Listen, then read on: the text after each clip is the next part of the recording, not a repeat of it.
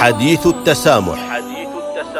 التواصل مع الحضارات والأمم يعزز التآلف الإنساني ويقدم انموذجا للتعايش مع الآخر وبما يؤدي إلى تحقيق أسباب السلام. حديث التسامح برنامج يعده ويقدمه سعادة الدكتور محمد بن سعيد المعمري. حديث التسامح.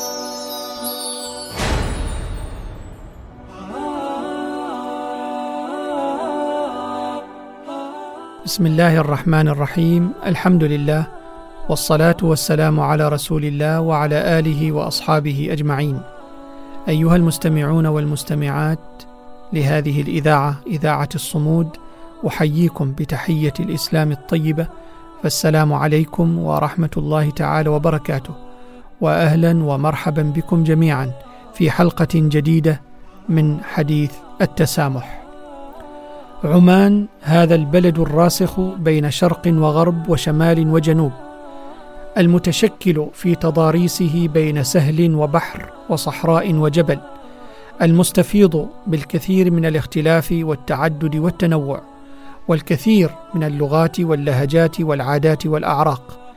ينظر إليها العماني بعين الجمال والانسجام والنسق المتكامل. تنوع ثقافي ولغوي وعرقي ساعده على الانفتاح على ثقافات وحضارات العالم وأكسبه قيم التسامح والتعايش والتفاهم والاحترام المتبادل وفهم الآخر وتقبله واستيعابه بصفته إنسانا. أدركت عمان أن للتنوع البشري حكما وفوائد جليلة لاستمرار نمو المجتمعات الإنسانية. بشرط استثماره وإدارته بحرفية اجتماعية واقتصادية وسياسية عالية. وللاستفادة من هذا التنوع لا بد من تعزيز قيم السلام والتسامح والانفتاح والتقبل الثقافي والاجتماعي بين أفراد المجتمع. وذلك عبر برامج وفعاليات تتضمن هذه القيم وتبني على أساسها ثقافة الفرد في الأسرة والمدرسة والشارع وجميع المؤسسات وإبراز أهمية انفتاح وتواصل وتعارف المكونات المجتمعية بكل خصائصها لتعزيز فرص التعاون والتكامل في شتى مجالات ومستويات الحياة وضمان نجاحها واستمرارها.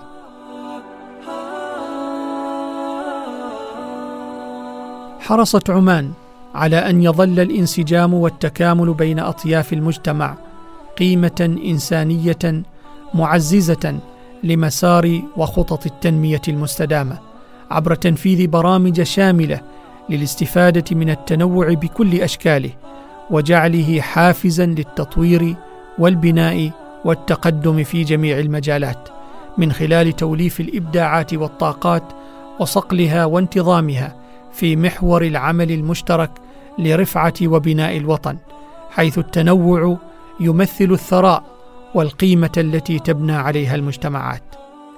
إن النظرة الواعية إلى التنوع الذي يتكون منه المجتمع العماني يشكل أحد جذور التنمية المستدامة حيث تكمن أهميته في تكامل حياة البشر كأهمية التنوع البيولوجي بالنسبة للطبيعة من شأنه أن يفتح الآفاق للتحفيز وتبادل المنافع وتدفق المعارف والأفكار وإنتاج السلع والخدمات وتداولها مما تظهر نتائجه التنموية والاستثمارية على الشعوب والبلدان اقتصاديا واجتماعيا وثقافيا. ونحاول من خلال الدقائق القادمة في هذه الحلقة أن نتعرف إلى دوافع التطرف الفكري أو عدم التسامح في المجتمعات. يرى خبراء الأمم المتحدة بأنه خلال السنوات الخمس العشر الماضية أجريت بحوث عن دوافع التطرف العنيف غير أنه لا توجد بيانات إحصائية موثوقة عن السبل المؤدية إلى التشدد الفردي. وعلى الرغم من وجود توجهات وأنماط يسهل التعرف عليها لا يوجد توافق بين آراء الباحثين إلا في مجالات قليلة. وهذا الاستنتاج على الرغم من تعرضه للتطرف العنيف وهو التطرف المرتبط بممارسة العنف المادي إلا أنه ينطبق في نظري مع نتائج الدراسات التي أجريت في معرفة الدوافع التي تؤدي إلى نشوء الفكر المتطرف. وخصوصا من قبل أفراد لم تظهر عليهم علامات على ذلك من قبل أو لم يتعرضوا لمؤثرات نمطية في تكوين أفكار متطرفة لديهم. ويرى بعض الباحثين بأن حدوث التطرف يتم عبر ثلاثة دوائر أساسية هي دائرة الفرد ودائرة المجموعة ودائرة الجماهير أو المجتمع. ولكل دائرة منها عوامل مؤثرة تتسبب في حدوث التطرف. فالتطرف داخل دائرة الفرد يحدث بسبب تعرض الفرد لواحد أو أكثر من العوامل التالية كأسباب نفسية وتتنوع التفسيرات في ذلك بين علماء النفس. فيرى البعض منهم إلى وجود الميل الغريزي لدى الفرد للتدمير والعنف. بينما يرى علماء النفس الكلاسيكي أن التطرف عبارة عن متنفس لمشاعر عاطفية حادة ناجمة عن الظلم والإيذاء الشخصي وانعدام الأمن والإذلال والاستياء والخسارة والغضب. ثم تأتي التنشئة الأسرية من خلال تلقين الأطفال بعض القيم والثقافات المتعصبة والداعمة للتطرف. وكذلك الظلم السياسي إذ ربما يكون التطرف سلوكا كردة فعل واستجابة لبعض الأحداث والاتجاهات السياسية وكذلك الانضمام إلى جماعات متطرفة فيتم تبني عقيدة هذه المجموعات دون التفكير في علاقتها بالتطرف. أما من حيث التطرف داخل دائرة الجماعة فقد يحدث ذلك من خلال الأسباب التالية أو أحدها. أولها التهديد والعزل وفي هذا النمط يقول الباحثون بأنه يتم عزل الأفراد كافة والمنضمين لمجموعة ما عن أي فرد آخر خارجها مختلف عنهم فكريا وهو ما يؤدي إلى مشاعر من الكراهية تجاههم.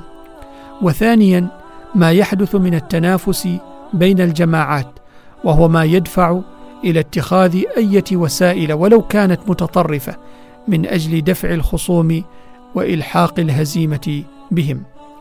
وأما التطرف داخل دائرة المجتمع فقد يحدث بأسباب مجتمعية وثقافية فالمجتمع الذي يغلب فيه التطرف والانعزال يتأثر أفراده بذلك بدرجات متفاوتة وكذلك اختفاء طرق التفكير الناقد والحوار البناء والتناول العلمي للقضايا من قبل المؤسسات التربوية والإعلامية وأيضا عدم قيام المؤسسات المجتمعية والإعلامية والحكومية بأدوارها مما يدفع إلى الشعور بعدم الرضا والإحباط وكذلك الفهم الخاطئ للدين ومبادئه والفهم الخاطئ لطبيعة المجتمعات الإنسانية في كونها لا تتغير إلا بالتشدد والعنف.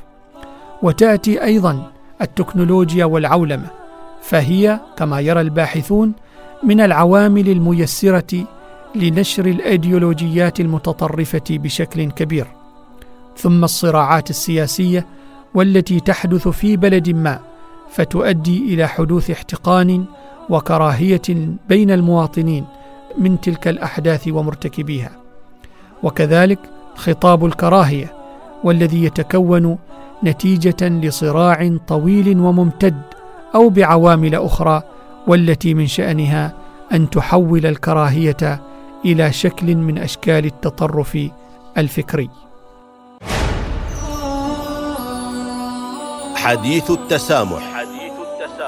التواصل مع الحضارات والأمم يعزز التآلف الإنساني ويقدم انموذجا للتعايش مع الآخر وبما يؤدي إلى تحقيق أسباب السلام. حديث التسامح برنامج يعده ويقدمه سعادة الدكتور محمد بن سعيد المعمري. حديث التسامح.